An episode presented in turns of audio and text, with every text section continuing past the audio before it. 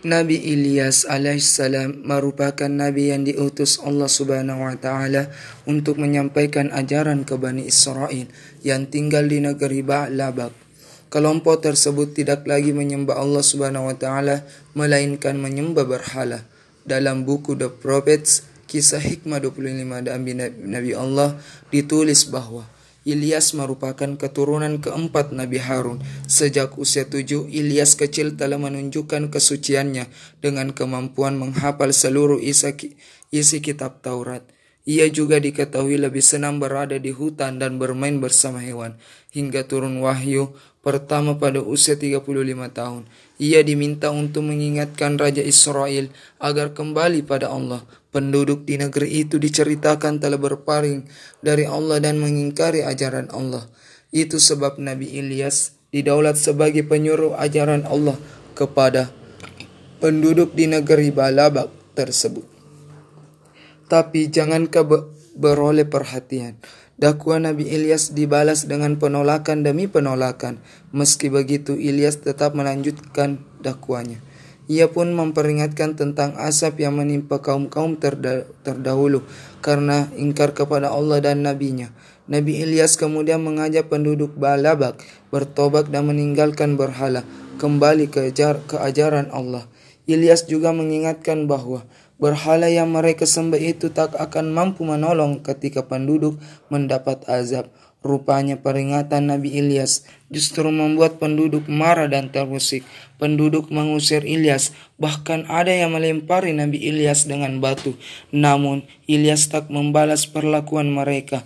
Ia tetap melanjutkan dakwah demi dakwah meskipun menuai penolakan. Hingga suatu hari penduduk geram dan mengusir Nabi Ilyas untuk selama-lamanya. Nabi Ilyas pun bergegas pergi dan mencari tempat persembunyian. Dalam keheningan di tengah pelariannya itu, ia berdoa meminta perlindungan dan meminta Allah memberi peringatan ke kaum kaum di Ba'alabak.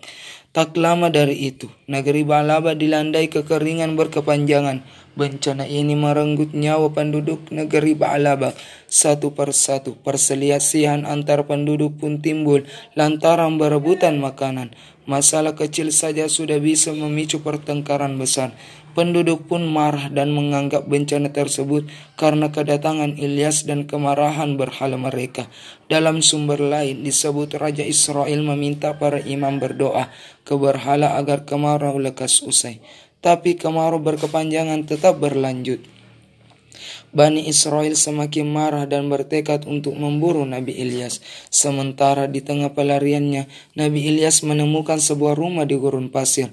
Sumber lain menyebut di tengah persembunyian itu, Ilyas diutus untuk menemui seorang ibu yang memiliki anak laki-laki.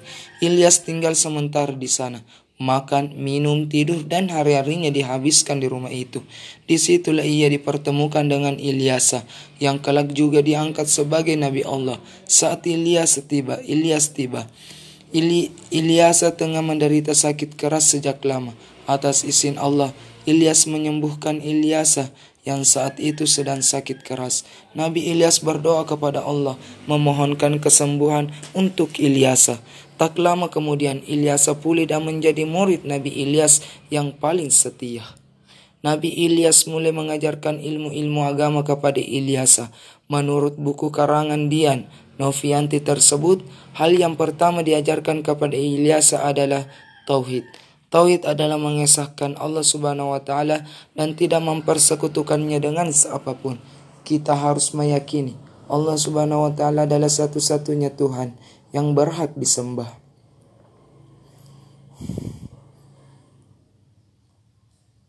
Nabi Ilyas lantas kembali melanjutkan dakwah di tempat Ilyasa. Di tengah keputusasaan, tak kunjung usainya kemarau panjang.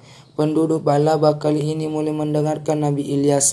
Mereka pun berangsur memahami dan kembali ke ajaran Allah Subhanahu wa taala. Tak lama setelah itu turunlah hujan hujan dan membuat penduduk Ba'labak bersuka hati sebab sang, sebab sangat merindukan air dari langit. Beberapa hari kemudian tanaman mulai tumbuh, binatang ternak mendapat makan dan minuman cukup. Penduduk pun terbebas dari lapar juga dan dahaga.